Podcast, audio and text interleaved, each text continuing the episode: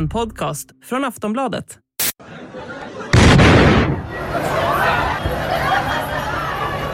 Panic spreads as the peace of an Istanbul afternoon is shattered. Tonight, the search is on for suspects as the Turkish government says it appears to be a terrorist attack. Söndag, sen eftermiddag i Istanbul. Shoppingstråket Istiklal i hjärtat av staden. En gågata fullpackad med människor. Då inträffar en explosion vid en bänk och panik utbryter i folkmassan. Än så länge när detta spelas in under måndagen har åtta personer dött och över 80 skadats. Bland de dödade finns också barn. Så vem eller vilka ligger bakom dådet? Den turkiska regeringen kallar attentatet för ett terrordåd och formulerar sig i skarpa ordalag.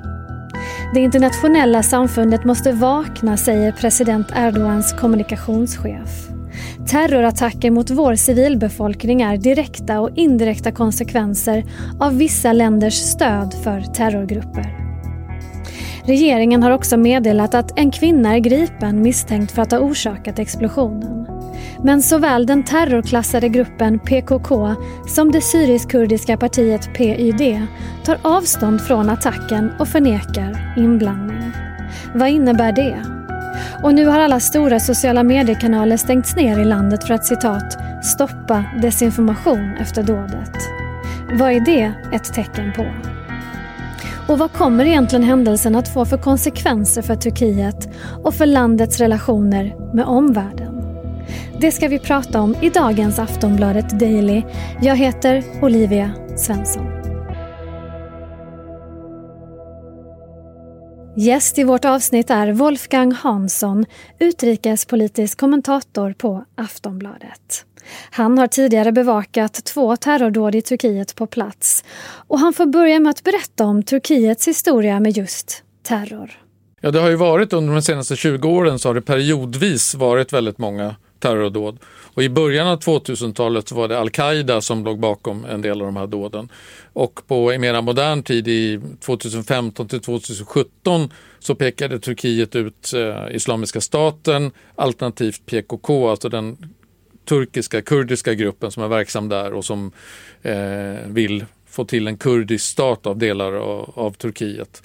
Eh, men det, det, är alltid svårt att, att veta vem det egentligen är som ligger bakom därför att det blir det läggs aldrig fram någon ordentlig bevisning som vi är vana vid här i väst. Att man vet precis, okej okay, det var den och den gruppen. Utan det, man får liksom, antingen får man lita på vad Turkiet säger eller så får man inte göra det. Och, och, finns det något som särskiljer det här dådet från sådana som har drabbat Turkiet tidigare? Inte egentligen. Det här är ju egentligen nästan en, en kopia av tidigare terrordåd. Man slår till på en plats där man vet att det befinner sig väldigt mycket människor eh, på en söndag på en shoppinggata. Eh, så att eh, det är ju precis den här typen av platser man väljer om man vill ställa till med så stor förödelse som möjligt. Det här attentatet då i Istanbul i söndags, alltså varför inträffar det nu? Fanns det några, har det funnits några varningar eller några indikationer på att något sånt här var i görningen? Nej, inte som jag har sett. Eh, men det man kan säga om man tittar bakåt historiskt så är det ju ofta så att terrordåd i Turkiet har en eh, viss förmåga att inträffa när Turkiet befinner sig eh, i början av en valrörelse. Eh, det är ofta det, jag ska inte säga att det är kopplat dit, för det finns ju inga bevis för att det skulle vara så, men, men det, av någon anledning så är det ofta så det ser ut i, i praktiken. Eh, och jag har inte sett att det har funnits några eh, så att säga, varningar om det här, annat än att Turkiet hela tiden varnar för och säger att eh, PKK eh, genomför massvis med, med aktioner och terrordåd i Turkiet och att de är en ständig fara och så vidare. Ja, och vi kommer in på det nu, alltså själva skuldfrågan här. Den, den, turkiska regeringen hävdar då att det här dådet ska vara utfört av PKK i samarbete med PYD. De, både PYD och PKK förnekar själva inblandning. Alltså, du nämnde det innan, men det här med skuldfrågan, det har man alltså inte tidigare rätt ut. Vad är chansen att man kommer reda ut det nu? Ja, det, det vet jag inte, men det, det, är ju inte alls osannolikt att det blir svårt för oss här i Sverige och i, i, i västvärlden att vara säkra på exakt vem det är som ligger bakom. Det kan mycket väl vara PKK. Bara för att de säger att de inte ligger bakom så är det inte, kan man inte ta dem på orden. Men tyvärr så kan man inte heller lita på de turkiska uppgifterna rakt av. De är ju alltid väldigt snabba med att peka ut vem som är skyldig. Och man kan ju undra i det här fallet hur, hur kan man så otroligt snabbt hitta den här kvinnan, få ett eh, erkännande från henne, gripa en massa andra personer och, och säkert slå fast att det här terrordådet planerades i Kobane i, i, i norra Syrien av eh, PUD och dess väpnade gren YPG. Det, eh, det förefaller vara ett otroligt eh, kompetent polisarbete. Eller så är det helt enkelt eh, någonting i det hela som inte riktigt stämmer. Du nämnde den här kvinnan, alltså hon som har misstänkts och gripits, som man då via övervakningskameror har sett sitta på, den här, har sett sitta på en bänk där, där explosionen inträffade. Eh, vad vet man om henne? Ja, man, man vet att hon har, ska ha erkänt i förhör med polisen att hon har utbildats av PKK och att hon skulle ha skickats hit av PUD, YPG, alltså från norra Syrien. Eh, och att hon kom från Syrien, eh, in, in, tog sig därifrån in till Turkiet för att genomföra det här dådet och man säger att hennes plan var att fly till Grekland då efteråt. Eh, men det här är ju uppgifter som är omöjliga att kontrollera för någon utomstående. Eh, och det är ju Turkiet som så att säga som säger att det är så här. Och, och det finns liksom inga oberoende fria medier att tala om i Turkiet som, som kan granska de här uppgifterna och se om de stämmer. Dessutom var det ju så att Turkiet eh, eh hade en news blackout när det här terrordådet inträffade. Man stängde ner internet till stora delar, man, man begränsade väldigt kraftigt tillgången till sociala medier och så vidare. Så att, eh, det är ju regimen som helt och hållet styr bilden av eh, vem som ligger bakom det här dådet och det är väldigt svårt att göra någon, för utomstående att göra några oberoende värderingar av det här. Aftonbladet Daily är strax tillbaka. Life is made up of many gorgeous moments. Cherish them all, big and small, with Blue Nile. Whether it's for yourself or a loved one, Blue Nile's unrivaled selection of expertly crafted fine jewelry and statement pieces help make all your moments sparkle. Blue Nile's experts are on hand to guide you, and their diamond guarantee ensures you get the highest quality at the best price. Celebrate a life well lived in the most radiant way and save up to 30% at BlueNile.com. That's BlueNile.com. Om man då ska reda ut frågan, för jag tror att många undrar över det här just med relationen till både PKK och PYD. Var, var i består liksom konflikten mellan dem och Turkiet för tillfället?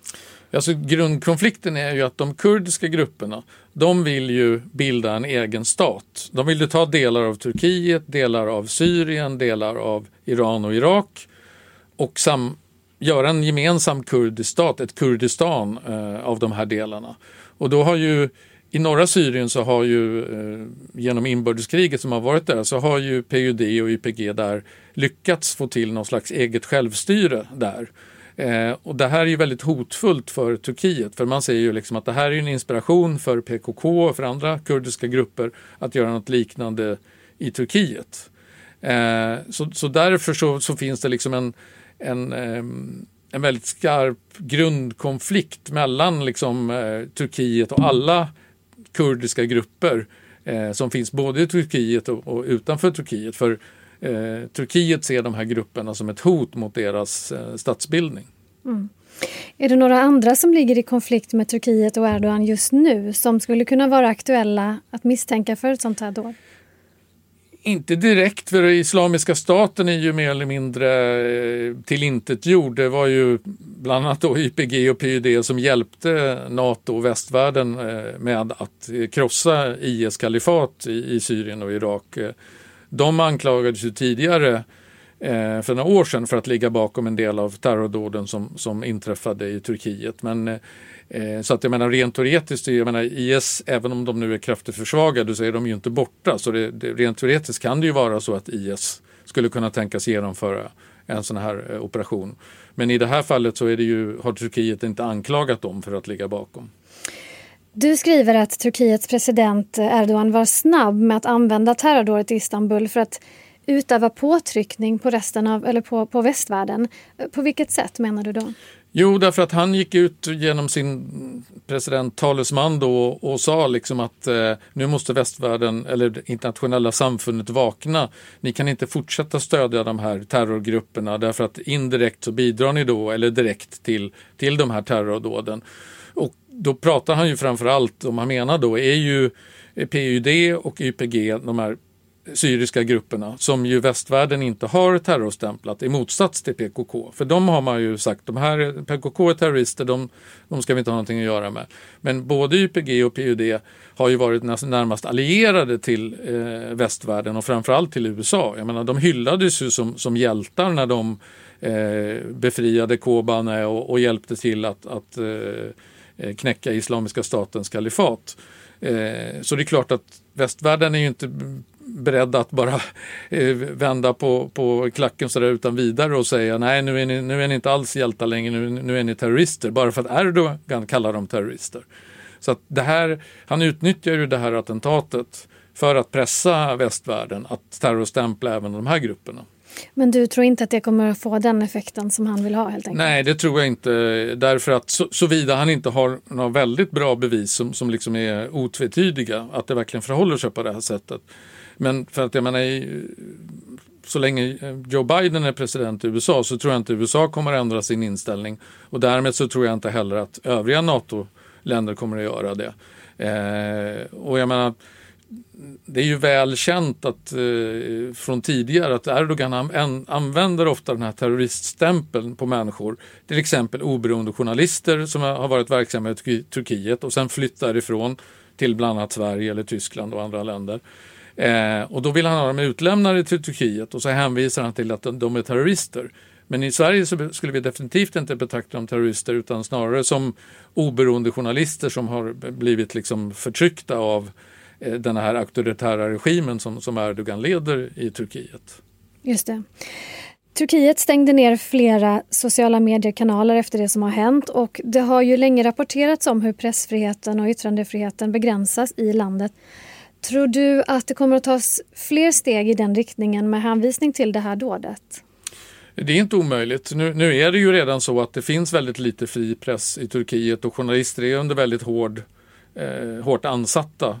Eh, och väldigt många har ju lämnat Turkiet därför att de inte känner att de eh, kan arbeta där.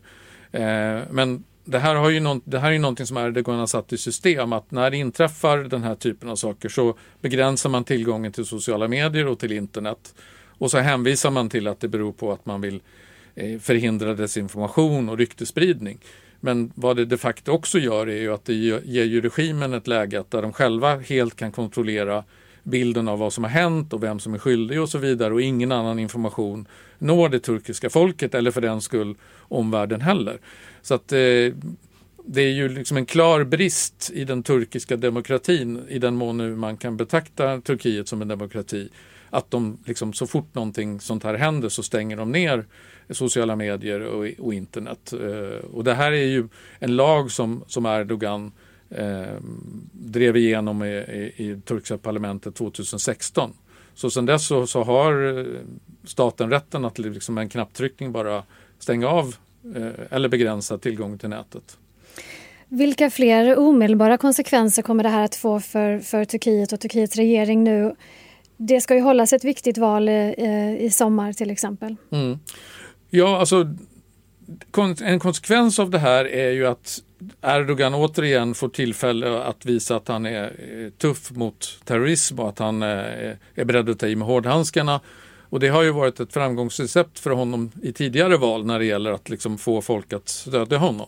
Så att på så vis så kan man ju säga att oavsett vem som nu ligger bakom terrordådet så spelar det här Erdogan i händerna. Liksom det den här typen av, om, om det nu blir en terrorvåg i Turkiet de närmaste månaderna så är det eh, på ett sätt bra inom citat eh, för Erdogan. Självklart så kan det också tolkas som att han inte har kontroll över, över landet och så men, men så länge det är i, i, i något sån rimlig omfattning så kan det ändå gynna honom i slutändan.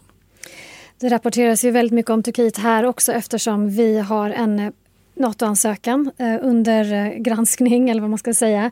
Och där ju relationen mellan Sverige och Turkiet eh, diskuteras och eh, förhandlas om, eller vad man ska säga. Hur tror du att det här kan påverka eh, den relationen, det som händer nu? Kan det påverka? Det kan det ju göra, men jag, jag, tror inte att det kommer att påverka särskilt mycket eftersom Sverige Eh, har varit väldigt snabba med att säga att man fördömer det här terrordådet, man fördömer all, eh, alla former av terrorism och eh, snarare är det väl så att de här kraven som har riktats mot Sverige, så att säga, att man ska eh, terrorstämpla eh, PUD och YPG, de riktar sig nu i och med det här inte bara mot Sverige och Finland utan mot hela västvärlden så att man blir liksom del av en större grupp i det här. Det som kan hända är ju att eh, det här eh, blir ytterligare bränsle för Erdogan när det gäller hans krav på att Sverige ska utlämna specifika personer som han anser vara terrorister. Och där, där har, det har ju Sverige väldigt svårt att göra om man inte gör samma bedömning som Erdogan. Eh, man kan liksom inte, för dels kan man inte utlämna svenska medborgare och dels kan man inte utlämna människor som uppenbart eh, liksom är eh, politiskt förföljda i Turkiet och har kommit hit av den här anledningen. Även om Erdogan skulle kalla dem terrorister så är de inte terrorister i Sveriges ögon och, och det är den svenska lagen som Sverige eh, måste tillämpa.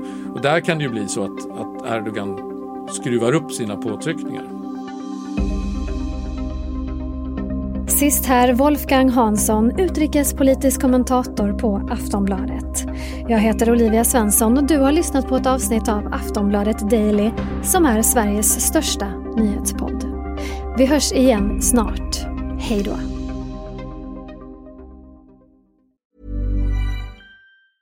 Normally, being a little extra might be a bit much, but not when it comes to healthcare. That's why United Healthcare's Health Protector Guard fixed indemnity insurance plans, underwritten by Golden Rule Insurance Company, supplement your primary plan so you manage out of pocket costs. Learn more at uh1.com.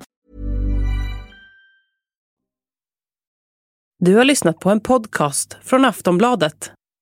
Ansvarig utgivare är Lena K Samuelsson.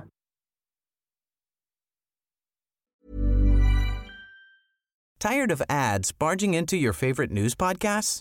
Good news. Ad-free listening is available on Amazon Music for all the music plus top podcasts included with your Prime membership. Stay up to date on everything newsworthy by downloading the Amazon Music app for free or go to amazon.com slash news ad free. That's amazon.com slash news ad free to catch up on the latest episodes without the ads.